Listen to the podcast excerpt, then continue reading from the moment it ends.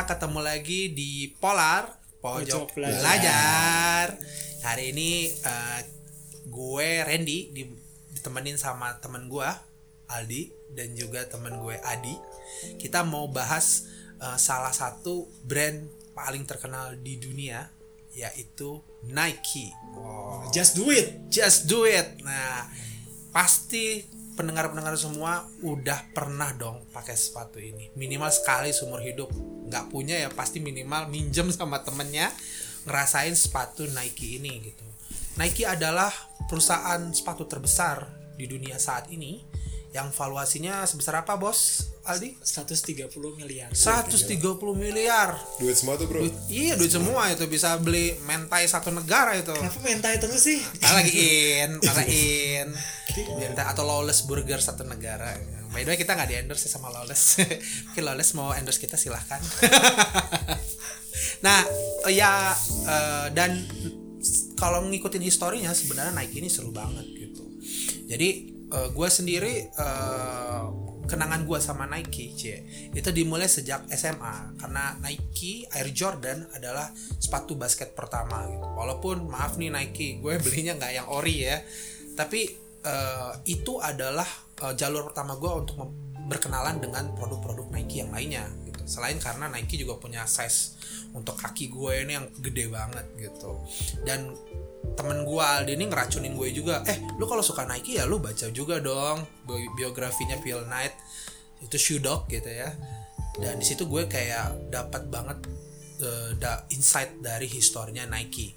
Jadi Nike ini eh, didirikan oleh seorang mantan atlet lari yang juga lulusan Stanford bernama Phil Knight. Ya eh, dia itu salah satu yang passion banget dengan produk-produk Jepang salah satunya juga dan dia ngelihat Wibu ya. Hah? Wibu. Enggak, dulu belum ada Wibu. Kenapa harus Jepang? Karena karena gini, karena dia ngelihat eh, apa namanya di pasaran saat itu produk-produk Jepang udah mulai masuk nih ke pasar Amerika dan salah satunya produk Jepang yang sangat terkenal itu adalah kamera-kamera Jepang gitu. Canon, Nikon. Canon, Nikon gitu ngalahin Leica, Zeiss dan seterusnya gitu. Jadi dia berpikir juga nih, gua kan lebih murah juga ya. Nah, lebih murah juga dan dia mikir kayak oh kalau kamera bisa masuk ngalahin produk-produk Eropa jangan-jangan sepatu juga nih gitu karena dia atlet kan barang yang dia pakai sehari-hari ya sepatu dan dia ngelihat ada satu sepatu keren nih dari Jepang namanya Onitsuka nah dimulailah ketika dia lulus dia eh, ngelobi bapaknya untuk pergi ke Jepang gitu.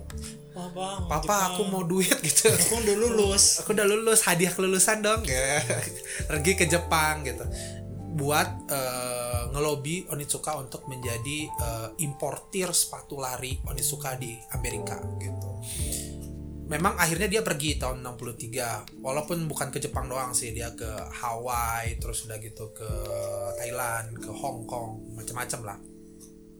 Dan tapi pas di Jepang dia akhirnya pergi ke pabriknya uh, Onitsuka. Di sana uh, dia ketemu sama manajemennya Onitsuka. Dan waktu itu uh, Jepang memang sedang berusaha untuk keluar dari sejak kekalahan perang dunia ya. Dia berusaha untuk membangkitkan lagi. Jadi ketika ada orang asing terutama Amerika yang memang waktu itu sudah sudah ada banyak di itu karena pangkalan kan di sana uh, mereka menerima gitu. Tapi pangkalan pangkalan sa militer dong. Masa pangkalan angkot jurusan Amerika Jepang gitu? Enggak. Nah di sana dia eh, apa namanya si Phil Knight itu memperkenalkan dirinya sebagai pebisnis gitu. oh gue pebisnis dari Amerika gitu. Udah fresh grade ya. fresh grad padahal fresh grad gitu. Dan dan ditanya dengan polosnya oleh manajemennya Onitsuka oh Pak Pil ini dari perusahaan mana nih? Gitu. Terus dia kayak hah perusahaan? Iya juga ya gitu kan. Jadi dia justru dia sadar bahwa untuk menjadi seorang importer pasti lebih enak kalau terus apa kerjasama itu bisnis to bisnis dan akhirnya dia sembarang ngomong dia ingat ada dekor pita biru di kamarnya dan dia bilang oh gue mewakili Blue Ribbon Company gitu. perusahaan yang sebenarnya nggak ada sih nggak ada jadi dia perusahaan yang memang baru tercipta di kepalanya saat ditanyakan itu sama Onitsuka gitu Saingannya ini ya, Red Ribbon yang di Red Dragon Ball ya. Red Ribbon Dragon Ball ya. Mungkin itu memang masih ada relate-nya ya Iya, iya. gitu. Nah, terus sudah kayak gitu eh, apa namanya Blue Ribbon ini eh, akhirnya mau kerjasama si Onitsuka ini sama Blue Ribbon. Dan sebagai tandanya ya mm, Pilnet beli sepatu Onitsuka gitu. Berapa tuh? Langsung. Langsung Langsung 50 ribu dolar. Ya kan biar jauh jauh. Nggak nggak cuma MOU doang gitu kan. Gue buktiin nih gue emang kerja sama gue beli sepatu lo gitu. Dan beli putus gitu kan. Bawa duit banyak berarti dia. Enggak sih. Jadi dia langsung kasih telegram ke, ba- ke bapaknya untuk nyediain 50 ribu. Ini jangan dicontoh sih ya. Anjing kata bapaknya Anjir lu udah udah ngabisin duit buat ngabisin buat jalan-jalan. Sekali. Ta- tagih 50 ribu gitu kan. Nah. Sekalian dapat ngomongin dapat minta telegram duit. disangkanya kabar ternyata. Ternyata permintaan duit. Oke, coba bayangin lu bayangin telegramnya gue apa apa kabar? By the way. By the way. By the way. By the way tuh panjang. Angka semua. Nah eh, akhirnya ya apa namanya dia eh, pulang ke Amerika setelah tadi gue bilang juga ya dia abis itu kan ke negara-negara lain termasuk ke Yunani. Karena Pilnet ini salah satu penggemar kisah-kisah Yunani wah dia juga main ke itu loh ke Jordan ke Petra oh ke Petra iya di Jordan Petra ya pokoknya ini jadi memang beneran muter dunia ya Bener muter dia, ya dia bener ngabisin bapak uang bapaknya. Terus udah kayak gitu minta duit sama bapaknya lagi ada. Itu kalau gua gua nggak diharapin pulang sih. boleh pulang, Kayak ya. keluarga gua pindah alamat tuh. Kalau keluarga gua pas pas datang lo kok rumahnya kosong. Udah ada tulisan dijual gitu. kamu bukan anakku lagi Nggak ada ini mah udah dijual aja. Ada agen properti aja di depannya gitu. Nah akhirnya pas dia ini tapi memang nggak segampang itu gitu. Karena pertama mulai dari eh, keterlambatan datang barang gitu. Dia sempat kerja dulu juga kan juga jadi accountant. Terus udah kayak gitu eh, pas sudah datang barangnya juga eh, dia bingung nih mau jual gimana ya. Tapi dia pikir ya udah kita mulai jual dari truk sewa truk terus udah gitu dari lapangan ke lapangan. Sama dia mulai dengan ngasih sepatunya itu ke pelatih larinya gitu. Jadi eh, Bill Bowerman seorang pelatih lari Amerika adalah salah satu yang paling berpengaruh dalam kisah si Nike ini. Dan juga orang yang paling berpengaruh juga buat Phil Knight gitu. Karena Bowerman ini adalah pelatih yang mengencourage Phil Knight untuk nggak cuma sekedar bertanding tapi juga untuk pursue the lose gitu. Dan eh Pursue the pursue the win. Gimana? maaf nih. Mengejar kekalahan. Iya, maksudnya yang mengejar kekalahan gitu. Jadi, karena eh, apa Bowerman ini kan pelatih yang sangat-sangat keras ya. Ya. Nah, ya udah eh, akhirnya pas dikasih Bowerman ngelihat ada potensi ini di Onitsuka. Dia justru tadinya si Pilnet cuman kayak eh tolong dong jualin ke anak-anak didik lo gitu. Tapi Bowerman bilang kayaknya nih enggak deh, gue pengen kita bikin perusahaan aja deh gitu. tetapi pak Iya, dengan juga ya pak ah tapi ini menarik ya nanti nanti gue ceritain jadi eh, menarik. Eh Bowerman ini kan terkenal terkenal selain dari pelatih dia juga pencipta eh, lifestyle jogging gitu. karena dia justru memperkenalkan jogging dia bikin buku gitu. Influencer ya? Influencer. influencer. Jadi saking passionnya sama lari dia bikin buku kayaknya lari ini bukan hak atlet doang ini hak semua orang gitu. Dia bikin istilah namanya jogging gitu loh nah yang menarik di, di bukunya itu kalau kata Pilnet justru Bowerman ini eh, apa namanya tidak mem, jadi dia bilang semua orang tuh bisa lari nggak harus pakai sepatu lari. Tapi Kayak pak katanya lu- kalau lu pakai sepatu garden aja gitu sepatu yang ber berkebun tuh sebenarnya lu bisa lari gitu. Nah, terus kayak Bernard gimana sih lu punya perusahaan perusahaan sepatu lari ya ini gimana? Lu bukannya mempromo gitu.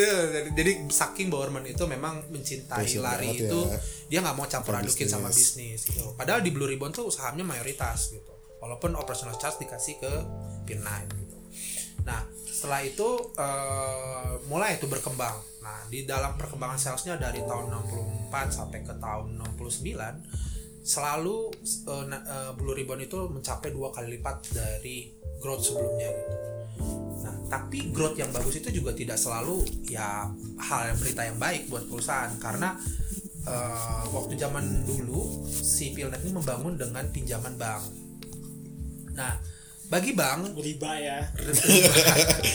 Terjerat Wah, riba. gua nggak mau- Barusan gak untung gua gua nggak mau ngomong gitu ya guys. Karena ini bukan kajian hari ini kita bahas ya gitu ya. Dan dan gue juga nanti takut di demo sama orang-orang yang pakai pinjaman bank. Eh, jadi apa namanya waktu itu ya akses pendanaan salah satu yang paling mudah dan paling make sense itu adalah bank. Dan bank juga sebenarnya kalau meminjam kan jatuhnya debt ya dia mau minjemin tapi lu juga harus punya kolateral. Dan di situ ngelihat siapa pil gitu. Bahkan bank pil pil. Phil ya Phil Phil ini siapa gitu Bang tadi sempat mau ngasih ada dulu pertama kali itu Bang sempat ngasih mau pinjaman terus nelfon bapaknya bilang bapaknya Pil dia bilang gini eh eh nanti kalau Pil kenapa-napa bapak juga mau ikut tanggung jawab kan kata bapaknya. Anjing. enggak lah hell no gitu. Hell no. Beneran serius. Dan bapaknya bapaknya itu bilang hell no gitu kan dia bilang. Nah akhirnya bapak bahkan Bang sempat mengundurkan diri gara-gara itu gitu. Ini maling kundang apa? Feel light sih sebenarnya. jadi itu kacau banget lah memang keluarga jadi tapi tapi pil pil ini punya semangat yang pantang nyerah ya. Karena eh, dia juga dididik untuk eh, benci kekalahan gitu. Jadi dia nggak mau bang ini jadi masalah buat dia gitu. Nah mulailah dari tahun 64 sampai eh, 69 tadi tadi dia mulai menghadapi masalah keuangan membuktikan sama bank dia berkali-kali gitu. Terus sudah kayak gitu dia mulai ngerekrut orang-orang pertama gitu ya yang menjadi eh, Fondasi. pondasinya gitu loh. bukan pondasi ya gue melihat bahwa orang-orang pertama ini menjadi rekan sih kalau pondasi kan gitu. Di bawah. pondasi lu bawah lu di atas gitu Tapi kalau misalnya tapi gue ngeliat bisa bergandengan tangan bareng bergandengan gitu, tangan ya. karena just eh, apa namanya salah satunya Johnson ya salah orang pertama yang direkrut yang awalnya nolak tapi akhirnya jadi pekerja full time nah dan Johnson sangat passion banget sama Onitsuka dan memprom mengencourage si Phil Knight untuk membuka retail store pertama di West Coast. Terus sudah kayak gitu mengencourage si Phil Knight juga untuk mengambil exclusive right. Karena waktu itu sepanjang tahun 64 sampai tahun 70 eh 69 eh, Blue Ribbon menghadapi eh, kayak pertikaian dari reseller lain lah gitu loh. Karena bahkan tadi sudah di Onitsuka tuh sempat ngenotis bahwa sebenarnya Onitsuka pro brandnya tuh bukan pertama kali dibawa oleh Pilnet nih masuk ke Amerika udah dibawa duluan gitu loh tapi lewat sepatu wrestling bukan sepatu lari gitu nah akhirnya di- berjuanglah si Pilnet ini ke Jepang meyakinkan orang main manajemen sampai ketemu Mr. Onitsukanya gitu dan dia sempat kayak berhasil mengambil hatinya Mr. Onitsuka dan Mr. Onitsuka bilang yaudah kamu kuasai West Coast tapi tetap East Coast tuh milik si uh, resellernya gitu nah akhirnya dia di sana dan dia terus bisa membuktikan bahwa doubling salesnya terus gitu terus eh, sempat pas persaingan resellernya ini ternyata resellernya mungkin karena punya banyak duit dan sempat ad di newspaper ya Nah, si Johnson bilang, wah kalau kita terus kayak gini, apalagi lu nggak punya pendataan, kita nggak dapat eksklusif right, eksklusif right gitu, kita nggak akan bisa ngalahin si reseller ini gitu. Akhirnya on, si Pilnet balik lagi ke Onitsuka gitu, bilang, gua nih eh, yang bisa ngejualin satu Amerika gitu.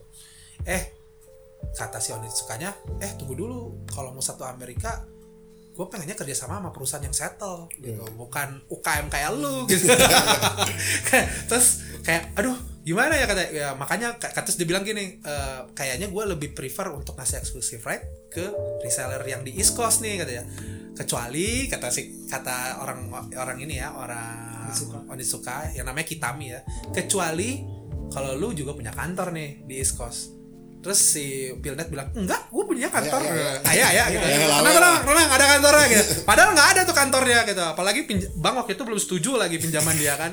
Makanya dia dia pulang kayak aduh gimana nih? Gue udah terlanjur ngebohong segala macam gitu. Tapi berusaha gitu. Make it happen gitu. Jadi hal pertama yang dilakukan dia adalah dia eh, tarik eh, apa marketing andalannya dia Johnson untuk dipindahin ke East Coast. Terus kemudian eh, dia rekrut orang-orang untuk membantu dia untuk mengembangkan bisnis di East Coast gitu sebenarnya sih bukan rekrut ya tapi dipaksa ngerekrut sama pelatihnya yang juga co-foundersnya ya yang punya saham mayoritas dia bilang ini ada nih anak didik gua kasihan dia udah kecelakaan terus nggak ada kerjaan lain nih lo hire lah please gitu karena co-founder yang sahamnya banyak ya why not gitu ya Bener, Pop. Bapak. Deh. Serah bapak deh gitu kataan. Tapi ternyata orang orang yang namanya Woodle ini orang yang diminta direkrut ini ternyata walaupun dia cat, eh, difabel ya disabilitas sorry disabilitas punya disabilitas keterbatasan karena kecelakaan dia bisa membuktikan bahwa sebenarnya gue juga tetap punya spirit untuk kembali perusahaan. Dan Woodle ini menjadi salah satu aset SDM yang paling mahal karena di tahun 60-an tadi 64 sampai 69 Woodle ini akhirnya diangkat jadi operation manager dia yang mengendalikan store di West Coast maupun store di East Coast kayak gitu. Jadi tadi Johnson itu dia salesnya. Sales terbaiknya Oh. dengan first apa first full timer. Yang si- manajemennya. ya. Iya, manager. manajernya gitu loh. Jadi klub klop lah timnya gitu kan. Plus dia punya karyawan tambahan nih gitu. Biasa cewek tuh. Cewek. Lengkapin timnya Nah, kan. cewek. Karena kan waktu itu tahun warna-warna 68 tuh gitu. eh, dia ngerasa kan dia tadi kerja sebagai konten sambil jualan ya. Terus dia ngerasa eh, aduh kayaknya nggak bisa nih kalau gua konten waktu gua ke situ lebih akhirnya dia keluar dari dari perusahaannya dia gitu. Dan dia nyari peker- tapi dia tetap butuh living expense kan buat bayar living expense-nya akhirnya dia kerja jadi asdos gitu di Portland University gitu dan ketemu sama mahasiswi yang ternyata menarik perhatian dia gitu tapi modusnya adalah ngajak dia kerja sama di perusahaan gitu. nih. ya kamu mau nggak kerja di Kayak, kayak familiar tuh. Iya. Wah, kerja kerja sama modusnya gitu terus eh, ya perempuan itu ngerasa karena mahasiswa kan oh, dapat Iya. bisa kerja Lumayan why not? foto, foto. why Nambah not CV, gitu kan why not dapat duit lagi kan Dapet, bisa dapat nilai bagus juga lagi. Ya, ya, why jalan. not gitu kan ya udah akhirnya dia kerja gitu. dan tapi ternyata eh, orang yang perempuan yang bernama Penny ini menunjukkan bahwa dia juga etos kerja luar biasa gitu dia bisa ngerjain kerjaan cepat selesai segala macam semua info semua surat-surat beres lah semuanya gitu sekretaris ini. Eh, kayak admin lah sebenarnya Oh, admin, iya. admin kalau gua lihat nah terus eh, apa namanya eh, terus juga di dalam sela-sela mereka menjual tuh mereka nggak cuma ngejualin. Jadi si Phil Knight ini juga dengan Bowerman pertama Bowerman ya karena Bowerman ini seorang yang sangat passion sama lari. Jadi dia berusaha gimana caranya membuat orang itu bisa berlari lebih baik gitu. Dia ngasih banyak banget masukan buat Onitsuka gitu. Yang sebenarnya ditanggepin sama Onitsuka gitu.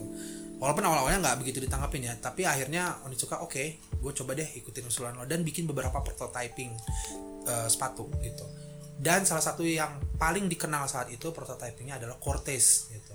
Kenapa pakai nama Cortez? Karena eh, mereka berencana untuk launch Cortez ini bersamaan dengan Olimpiade Meksiko.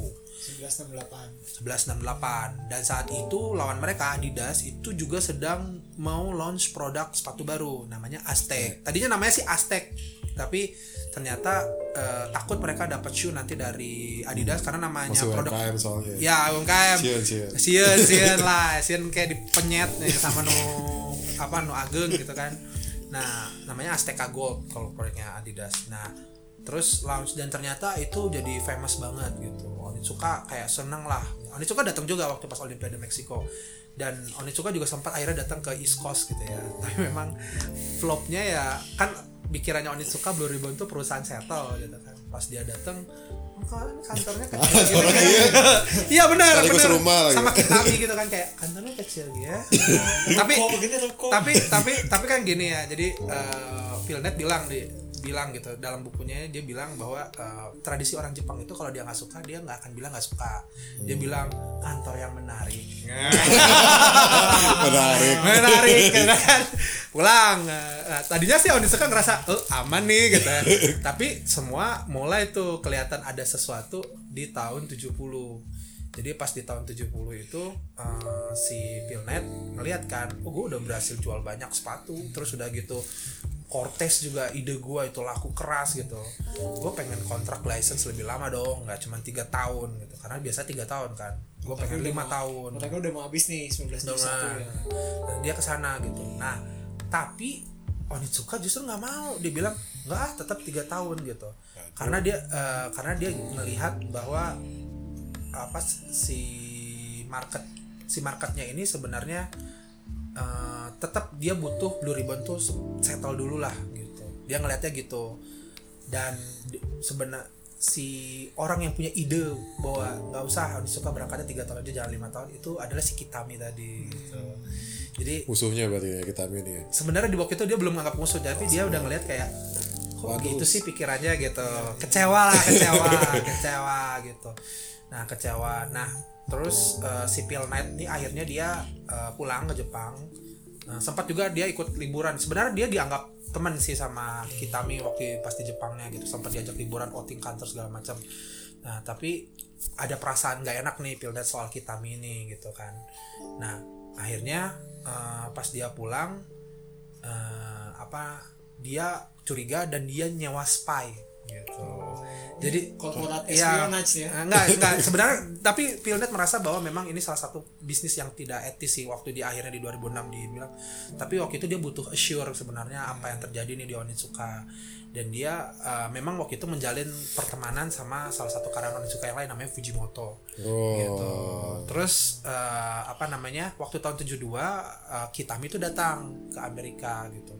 Dan disambut nih sama Onitsuka, diajak trip lah, kenalin. entertain, entertain. Di entertain gitu. Ketemu makan Karaoke, ngobrol karaoke. karaoke, main di TSM gitu atau gimana. Gak tahu. Nah, eh, tapi eh, si si Kitami ini tampak tampak seperti ada punya pesan-pesan tersirat bahwa harusnya Blue Ribbon ini lebih dari sekedar ini gitu karena dia ngelihat seharusnya Blue Ribbon kok double mulu kenapa nggak triple gitu nggak puas bersyukur, nggak bersyukur lah ya. Kufur nikmat kan. Nah, nah dan benerlah kecurigaan dan dan Pilnet curiga dan akhirnya diam-diam meriksa kopernya si si Kitami dan ngelihat bahwa ada Ngoprek-ngoprek catatan juga ya? catatan iya ngoprek-ngoprek tapi di situ dia ngelihat ada catatan distrib, alamat distributor lain jadi si Kitami itu ke US bukan mau lihat Blue Ribbon doang tapi mau kontak semua orang orang-orang distributor lain dan dia merasa terhianati karena kan dia dijanjiin eksklusif right kan Jadi awalnya udah GR pengen, oh Ya. kita mi datang ke Amerika tuh buat ini ya eksklusif night Eh, gua buat ya. buat ini buat mengencourage gitu Iya, kayak Ternyata- mengapresiasi gue. Nah, kan mau di backstep Ternyata- gitu. Nah, mau ditikung di depan, mau di full step. Nah, pas dan lebih parahnya lagi pas dia pulang akhirnya Kitami Kitami kayak ngancam secara halus bilang katanya Blue Ribbon harus menyerahkan 51% sahamnya untuk diakuisisi Onitsuka. Kalau enggak nanti Onitsuka bakal cari distributor lain. Dan di situ ya dia kecewa lah Philnet gitu kan. Eh, terus di- mulai siap-siap untuk ada rencana cadangan. Dan rencana cadangannya adalah Nike Jadi, Jadi udah- cadangan dulu. Jadi kita baru ngomongin Nike itu setelah 30 menit ngomong nih. karena emang ini menariknya eh, apa ya Blue Ribbon ini adalah kisah panjang ya. 10 tahun itu memang perjuangan mereka melawan eh, apa ya eh, ketidakberdayaan. Cie. Gitu. Rugi wae Iya, dia. rugi wae deh can untung-untung gitu. Dan akhirnya ya Nike ini di, di, di, dibentuk ya tahun 72 terus eh, apa namanya ternyata mereka pertama kali selling waktu itu di eksibisi dan gue mau nambahin nih ada Apa? cerita lucu tentang si logonya itu juga. oh Jadi bahwa dia kan nggak punya duit nih buat branding kan. Ah. Kayak anjir gue mau cari duit aja buat buat Iya. ini aja mau di- soalnya gua Dia oh ya tahu. dia dia diliput majalah tapi fotonya tuh foto Bowerman sama dia ngeliat sepatu gitu terus kayak wah kita harus ada branding nih gitu belum ada logo gitu akhirnya yaudah cari anak ini anak Desain. kuli- kuliah kuliah desain. Apa? Karena ini kan dia bekas ngajar di Portland. Ya mahasiswi mahasiswi desain lah gitu. Namanya Caroline Davidson. Ya terus itu akhirnya didesain lah si logo swoosh itu. Dengan harga 35 dolar. Oke, ini nih dah 35 dolar tempat gue ya udah. Jadi dapetnya murah banget. Parah sih. Tapi eh, apa ya namanya? Ya itu sih. Itu bisa kita tiru tuh sebetulnya. Nggak boleh sih. Kalau lu punya uang hargai pekerja sendiri om. Hargai anak desain om. Kasihan om. Jangan minta harga temen terus ya. Mikir om. Mereka juga mikir om. Eh, gini doang? Gampang kan? Nah, cuma checklist doang ini mah. Kurang ajar nah akhirnya di tahun 72 Nike eh, apa namanya eh, dispute waktu itu ya. Karena Blue Ribbon ternyata ketahuan menjual bukan hanya Onitsuka tapi juga Nike dan Kitami dengan Onitsuka menshoe Blue Ribbon di Jepang dibales sama Blue Ribbon untuk menshoe Onitsuka di Amerika gitu. Dan mahal ya Mensu ya? Ya dan akhirnya mereka memutuskan untuk eh, pisah di tahun 72 dan Philnet mengumumkan kepada semua karyawannya bahwa mulai hari ini mereka harus menjual menjualnya Nike bukan Onitsuka lagi gitu. Padahal dia mereka udah ngebangun uh, Onitsuka, Onitsuka Ya, dari udah 10 identity tahun ya. Onitsuka udah 10 tahun gitu. Jadi karena Philnet ngerasa ya kita harus tetap bisa maju tanpa Onitsuka sekalipun gitu. Nah, mulailah mereka menyusun strategi tahun 73 sampai tahun 80 itu merupakan tahun di mana eh, Nike tumbuh berkembang sebagai sebuah merek mandiri mulai dari mengendorse atlet-atlet. Justru yang menarik walaupun dia punya produk lari ya atlet atletik orang atlet pertama yang berhasil di endorse jadi dari dunia tenis. Itu itu menarik menarik karena dia eh, dan dan waktu itu sebenarnya sama seperti sepatu-sepatu lain ya. Mereka pengen ngendorse eh, bintang gitu tapi ternyata bintang mahal kan. Akhirnya Philnet cari eh, atlet yang memang punya potensi gitu. Terus kemudian mu- mulai yang endorse keduanya atlet atletik tapi walaupun dari lempar lembing gitu. Dan seterusnya dan seterusnya gitu. Sampai itu meningkatkan salesnya Nike yang tadinya terakhir di 300 ribu dolar di tahun 69 itu sampai bisa ke 4 juta dolar sampai ke 8 juta dolar sampai ke 16 juta eh 14 juta dolar gitu. Dan dia juga ngelihat uh gila nih makin makin mengerikan nih demandnya gitu. Dan udah mikir kayak nggak bisa nih cuma ngandelin supply dari lokal gitu. Dia harus kerjasama sama berbagai negara mungkin biar cost labor dan cost itu murah juga ya. Dan kan nggak tergantung ke satu, satu production. dan satu production akhirnya dia kerjasama sama eh, beberapa pengrajin dari luar negeri misalnya dari Taiwan terus udah gitu. Dia juga sempat ke Cina gitu. Tapi di Cina dia pakai nama samaran. Namanya Athena. Ya oh iya, iya. ya karena dia ngerasa Cina kan sama Taiwan lagi ada konflik ya. Ke Jepang ke Korea Selatan macam-macam lah sampai. Dan itu berhasil memenuhi kuota si demand di Amerika gitu. Tapi masalahnya di tahun 80 mulai tuh dia diganggu sama bea cukai gitu. Bea cukai ngerasa Udah "Hmm, kan, wah sepatu- banyak nih sepatu banyak nih apa Wah. nih gitu kan. Siapa pajak, nih? pajak. Pajak, pajak. gitu kan. Terus sudah kayak gitu waduh gimana nih? Nah apa ya namanya gimana caranya supaya apa eh, dan di itu kayak pajak terhutang gitulah. Jadi kan Tiba-tiba bukan pajak ke gitu. depan. Iya benar benar. Jadi bukan pajak ke depan. Jadi itu kayak yang kemarin-kemarin gitu dikejar sama Amerika kan. Dan apa ya dia akhirnya gimana nih cara nundukin pemerintah gitu. Akhirnya dia bikin semacam banyak dia dia apa dia bikin sepatu tandingan merek tandingan yang cuman buat cuman buat Oh, ngecek bener nggak sih tarifnya segini gitu jadi dia bikin merek yang murah nylon nylon murah gitu. Terus udah gitu masuk dengan kuota yang sama bener nggak? Gitu misalnya terhutangnya 9 juta eh, apa 20 juta dolar terus dia itu buat berapa pasang sepatu? Dia coba nih kalau dia kirim pasang sepatu bener nggak kayak gitu gitu. Berarti gak ada detailnya dong ya. Pokoknya segini lo kudu bayar gitu. ya terus udah kayak gitu eh, apa juga dia bikin kayak semacam advertising yang seolah-olah eh, apa Nike itu adalah perusahaan kecil dari Oregon yang sedang bertarung dengan keputusan pemerintah, pemerintah yang gitu ya. kayak jauh- Pemerintah seolah-olah kayak gitu gitu. Dan itu ter- sebenarnya dan dan dia eh, nge-launch eh, IPO karena dia ngelihat kalau ini jadi private company doang kayaknya kita akan diganggu selamanya nih sama pemerintah Amerika gitu. Tapi kalau ini milik semua orang ya susah gitu. Transparan gitu. transparan juga gitu. Dan akhirnya tiga taktik ini berhasil gitu Eh, ke apa sih namanya Eh, membuat pemerintah yang tadinya ngenain 20 juta dolar kalau nggak salah terus turun jadi 15 juta dolar tagihannya turun lagi jadi jadi 9 juta dolar. Tapi si si apa si Paynet tuh merasa harusnya gue nggak bayar. Gitu. Tapi revenue tadi 14 juta habis dong. Iya, Abis. makanya itu kan berbahaya Pajak. kan. Makanya dia, dia bilang harusnya nggak bayar. Gitu. Harusnya gua nggak bayar nih. Gitu kan tapi eh, akhirnya turun lagi kalau nggak salah jadi berapa gitu gue lupa. Dan akhirnya ngalah. Tapi dia kayak udah kesal. Dan itu menginspirasi dia tahun 80 itu juga bahwa kayaknya kita fokus produksi di- dari Cina atau apa gitu. Kayak gitu. Dan sejak itu Soalnya nggak ribet pemerintahnya. Nah, ya mungkin dia ngelihat kayak gitu. Jadi eh, sejak itulah mulai Nike menjejakkan kaki sebagai kaki sebagai perusahaan publik dan mulai bertarung seimbang dengan produk-produk raksasa di pasarannya. Gitu. gue ngelanjutin. Di tahun awal tahun 80-an itu ketika Nike memutuskan untuk go public gitu dia dapat duit banyak banget tuh. Jadi kan dibuka publik ya paling lah gue dapat berapa juta dolar lah gitu loh modal. Tapi dapetnya kan banyak banget nih modalnya hampir hampir puluhan juta dolar lah buat dapat modal. Pas dari IPO itu ya? Pas IPO itu. Terus kayak wah tiba-tiba dapat duit. Biasanya kan apa eh, tambal sulam terus kan dari bank kan terus tiba-tiba sekalinya dapat investment wah duitnya banyak banget nih gitu. Akhirnya dia nggak nggak bisa setengah-setengah dong untuk growthnya. Jadi di awal tahun 80-an itu Nike emang memilih untuk melakukan ekspansi besar-besaran ke olahraga lain selain track and field. Oh. Yang tadinya fokusnya ya udah Sepatu lari. atletik aja lah gitu. Atletik, Oh, oh. atletik gitu. Nah dia mau keluar nih dari uh, track and field. Dan salah satu target terbesarnya itu adalah penetrasi ke market basket. Oh. Karena basket itu adalah salah olahraga terpopuler lah waktu itu di Amerika gitu. 11 12 sama baseball lah ya. Sama baseball sama American football. Tapi basket itu nomor satu. Oh.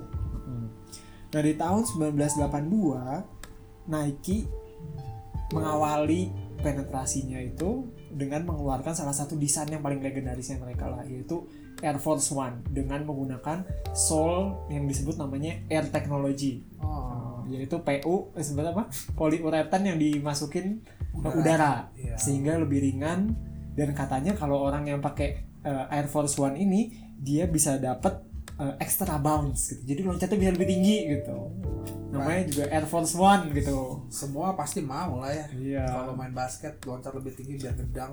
Iya. Nah cuma pasar basket ini udah udah lumayan jenuh sih karena dia dikuasain sama pemain lama sama pemain tua yang udah gede-gede gitu. Paling Adidas, siapa tuh? Puma sama yang paling gede itu adalah Converse karena dia main di dalam negeri kan.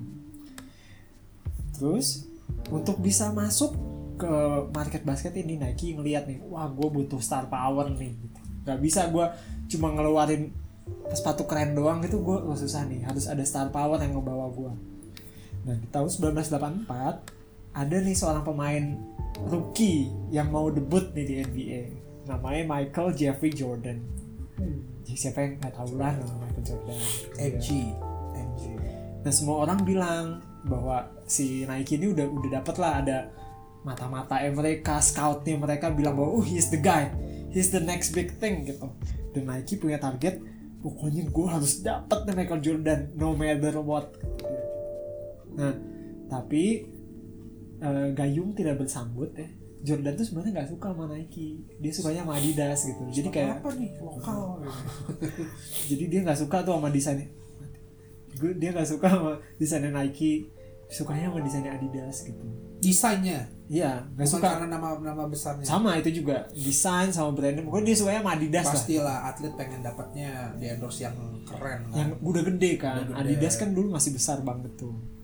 Nah masalahnya Adidas waktu itu sedang ada masalah internal tuh.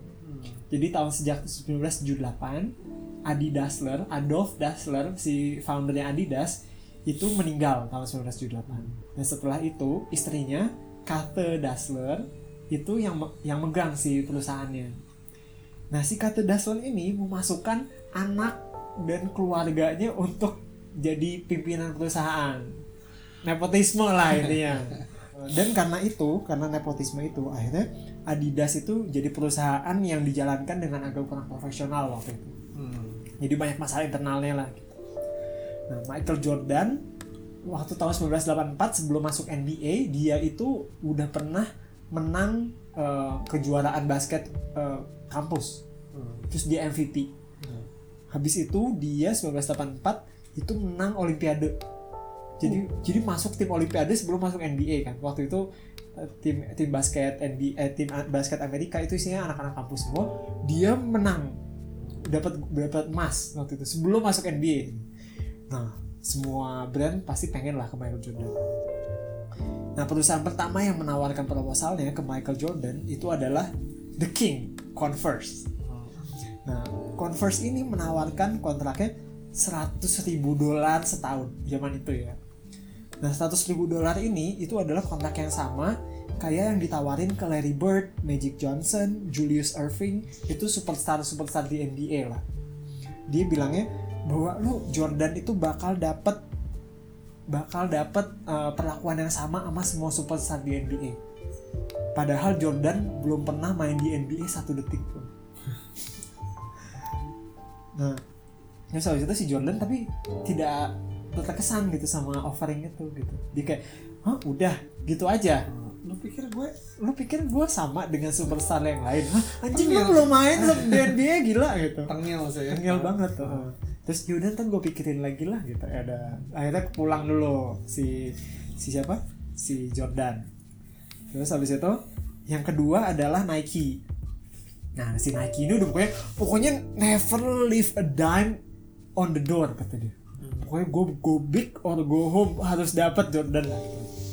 Nah Nike langsung bilang ke Michael Jordan, Michael, gua nawarin lo 500 ribu dolar setahun. Untuk lima tahun kontrak. In cash. Dan ditambah royalti untuk setiap sepatu lo yang kejual. Ditambah stok Nike untuk buat lo. Dan kalau di total total si kontraknya itu jumlahnya hampir lebih dari 7 juta US dollar dan itu ditawarin untuk eh, rookie yang belum pernah main di NBA gitu. Waktu itu kalau buat perbandingan superstar NBA yang paling mahal waktu itu untuk endorsannya ya itu adalah James Worthy di eh, Los Angeles Lakers. Dia dibayar 150 ribu US dollar oleh Adidas waktu itu. Dan ini tiba-tiba ada rookie belum main di NBA dikasih 7 juta 7 juta dolar kayak anjir sih? Gitu nah eh, gila banget lah itu kontraknya belum pernah belum pernah kejadian buat rookie kayak gini terus Nike juga cerita bahwa Jordan tuh nggak bakal disuruh pakai sepatu yang siap saji dan Jadi bawa bawa sendiri. Heeh. dan bawa brand Nike itu enggak tapi you are the brand and you are the shoes kata dia. jadi pokoknya si desainnya itu harus ngikutin namanya Jordan pengennya Jordan semuanya gitu. Kalau yang lain kan biasanya kalau Converse ini gue punya sepatu namanya Converse Weapon gitu. Ini gue bayar pakai gitu. Gue bayar pakai gitu udah. Kalau ini enggak yaudah lu pengennya sepatunya kayak gimana pak? Gitu. Ini buat Heeh. mau pakai gimana pak? Yuk desainnya mau gimana? Namanya apa pak? Ya boleh lah gitu. Nah tapi kata si Nike nya tapi kontrak itu ada terms and requirements nih gitu. Ada tanda bintangnya dulu nih. ada tanda bintangnya. jangan seneng dulu pak. Ada 7 juta dolar ini nggak gratis ya. Nah Michael Jordan dalam dua tahun pertamanya itu harus average score 20 poin segame. Uh, baru Ya. masuk udah ditantang tangan gitu. 20 poin kan? Belum dapat ini kursi starter kan? Kalau jadi pencadangan gimana pak saya? 20 poin per game terus habis itu harus dapat rookie of the year. Terus habis itu harus masuk all star dan dia harus bisa ngejual sepatunya dia Air Jordan itu minimal 250 ribu dolar setahun kalau nggak Nike bisa opt out dari kontraknya jadi bisa keluar duluan. Kan tadi kontraknya lima tahun ya. Kalau misalnya dalam dua tahun nggak ini yaudah gue cabut deh gitu. Nggak bayar 200 sisanya. tunggu dulu, berarti dia harus ngejual bisa ngejual 250 ribu dolar setahun. 250 ribu dolar setahun. Dia bayar 500 ribu setahun. dia bayar 500 ribu Gila sih itu. ya, jadi kayak dua, minimal 250 ribu lah gitu. Hah? terus habis itu si Jordannya uh, negosiasi kan. Nah tapi kalau misalnya gua nggak perform gitu ya misalnya gua nggak dapat 20 poin segame tapi sepatu yang masih kejual gimana? Oh ya udah. Dan dari situ negosiasi si ininya apa terms and requirements itu sampai akhirnya deal. Eh belum belum deal. Sampai akhirnya uh, ya udah oke deh uh, si tak pikirin dulu. tak pikirin dulu. Tak gue pikirin bawa ya. dulu. Aku pulang dulu ke rumah. ya sholat istihara Sholat istihara dulu. Sholat istihara minta ini minta restu papa mama. Nah sampai akhirnya dia eh, ketemu Adidas habis ketemu Nike nah dia bilang ke Adidas udah mulai MG banget datang ke Adidas ya. MG datang ke Adidas Sebenarnya belum menyebalkan sih. iya itu kayak ngarep banget lah gitu kayak lu suka sama cewek yang ini udah udah kayak murah banget nawarin ke lu tapi yang ini nggak nggak gue masih mau pengen sama yang itu Kamu ma- kamu mau aja mempertimbangkan. iya Aku kejar kamu terus deh. Iya. kan Nike kan jadi cadangan kan di sini kan. Aduh, Gitu. sedih sih. Padahal udah ngasihnya udah banyak banget tuh. Kamu udah mau bangkrut tuh kalau misalnya enggak. Ini pasti ceritain MG-nya pas udah udah udah gede ya kayaknya. pas eh gue waktu dulu sebelum lo nawarin gue ke Adidas. Iya loh. sih lo ya. Kalau kalau pas itu kayak kesel kayak Nike ya. Nah, terus habis itu dia bilang ke Adidas, kalau lu bisa ngedeketin kontraknya Nike dikit aja, nggak usah 500 ribu lah, 400 ribu gitu. Gua malu lah, gua mau Adidas, gue suka sama Adidas. Nah, cuma Adidas lagi konflik internal gitu ya. Dia bego sih kayak scoutnya nggak jalan terus habis itu kan concernnya ke internal ya. Jadi kayak ya apa sih ini anak rookie? Sotoy banget minta duit banyak banget gitu. Gak gak gue nggak mau sama lo gitu. Dan ditolak lah sama Adidas gitu. Akhirnya yaudah gue sama Nike aja. Kayaknya ya, Nike. Senang aja dapat cadangan tapi ini. Nah, akhirnya kontrak sama Nike kan ya udah kontrak gitu ya udah nah pas satu main nih masuk NBA sama Michael Jordan pakai sepatu Air Jordan ternyata Air Jordan tuh stand out banget karena waktu itu semua pemain basket di NBA itu harus pakai sepatu putih. Hmm. Nah kita tahu Air Jordan 1 kan warnanya merah hitam ya, sangat mencolok ya gitu. Nah, si David Stern, komisaris NBA waktu itu bilang, wah ini nggak boleh nih ada sepatu mencolok sendiri gini nggak boleh nih. Karena ini nggak sesuai nih sama eh, seragam seragamnya NBA gitu. Terus padahal kita juga tahu bahwa sepatunya Michael Jordan kan sesuai banget sama seragamnya Chicago Bulls kan merah Harusnya sih gitu. sebenarnya nggak masalah lah ya. salah ini sirik aja sih kayaknya David Stern gitu lu nggak boleh keren sendiri gitu sampai akhirnya dia bilang kalau lu masih mau pakai lu harus bayar denda 5000 dolar per game wah mahal banget kan. Kayak aja gue belum main aja udah udah Gaji gue juga potong dong. Gaji gue udah dipotong mas ini gitu. Nah dia laporan ke Nike kan pak gimana nih pak? Om, gimana dong? Dikasih denda om? sepatu belum di- mau dipakai di denda pak gitu. Terus kata Nike oh nggak apa-apa gue bayarin lah dendanya gue berapa lima ribu? Nih nih nih. Eh, itu kalau kalau kalau kalau di Indonesia tuh kayaknya langsung hubungin orang dalam ya. iya kalau dalam. Apa apa apa pak. Nah kalau Nike gue bayarin lah dendanya lima ribu dolar. Cincai sama om. Nah terus habis itu nah pintarnya Nike itu adalah sama dia dipakai buat iklannya. Hmm. jadi dia bikin iklan tentang Air Jordan itu bilangnya gini bahwa NBA itu melarang sepatu ini nggak boleh nih dipakai tapi NBA nggak bisa melarang lo untuk pakai sepatu ini. Wah, kan kayak kita tahu lah bahwa semua hal barang-barang yang dilarang tuh makin laku sebenarnya kan makanya Karena bego. rebel. Iya. Karena setiap jiwa kita tuh ada rebel gitu. Iya, kayak lu dilarang gitu, lu nggak boleh ngerokok, oh lagi pengen ngerokok kan anak-anak muda gitu. Lu lu nggak boleh makan yang eh, minyak-minyak, wah enggak, gua nggak harus makan Minyaknya minyak-minyak. ditelan ya. Nah ini sama lah gitu market going crazy lah. Padahal kita tahu bahwa Air Jordan waktu itu dijual dengan harga 65 dolar. Padahal average price sepatu basket waktu itu cuma 20 dolar. Jadi kayak anjing mahal banget terus dijual 65 dolar gitu. Dan orang-orang tuh beli kayak nggak masuk akal gitu. Dan ternyata Air Jordan launch itu di bulan Mei. Di bulan Juli dia berhasil jual 70 juta US dollar of Air Jordan. Tadi mintanya tuh 250 ribu. Nggak, kata Jordan nggak, ini 70 juta menurut lo. Dan sampai akhir di tahun 1985 itu eh, dari Jordan aja itu ngasilin 100 juta dolar buat Nike. Jadi kita tahu tadi Nike kan struggling banget ya revenue-nya gitu. Tiba-tiba di dalam waktu tiga bulan udah dapet 100 juta dolar gitu. Eh, kayak pret gitu. Dan di tahun pertamanya uh, Michael Jordan itu juga ngeraih 28,2 poin per game. Tadi, tadi kan diminta 20 poin, dia dapat 28,2. Itu dia scoring champion, rookie pertama yang scoring champion, rookie of the year, dapat All Star. Terus dia juga All NBA team sama All Defensive team. Terus kalau kata Phil Knight ya, ke- pasti tanya tentang Air Jordan itu dia bilang bahwa Air Jordan ini adalah kombinasi yang sempurna antara uh, high quality product, marketing dan atlet endorsement. Itu nggak bisa berdiri salah satu lah. Gitu. Jadi kita tahu bahwa kalau misalnya endorsementnya udah bagus gitu ya, marketingnya bagus gitu, produknya jelek, siapa yang mau beli gitu kan kayak ah ya apa sih ini Air Jordan sampah gitu. Tapi kalau misalnya ternyata produknya bagus, atlet endorsementnya oke, tapi marketingnya nggak jalan gitu, nggak bisa nangkep tadi uh, opportunity di band dan lain sebagainya, itu juga nggak bakal jalan. Gitu. Kalau ternyata bagus, marketingnya bagus, ternyata atlet endorsementnya salah gitu, taunya nge- nge- siapa eh, jajang siapa gitu misalnya orang Indonesia itu nggak akan laku gitu misalnya nggak sesuai market gitu.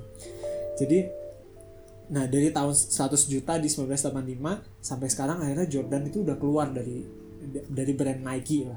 Karena udah kegedean. Dia udah revenue-nya di tahun 2018 aja dia udah 3 miliar dolar sendiri setahun gitu biarpun brandnya itu eh, masih dipegang maksudnya majority shareholdernya masih Nike sih gitu. Dan Michael Jordan lah pasti yang punya gitu.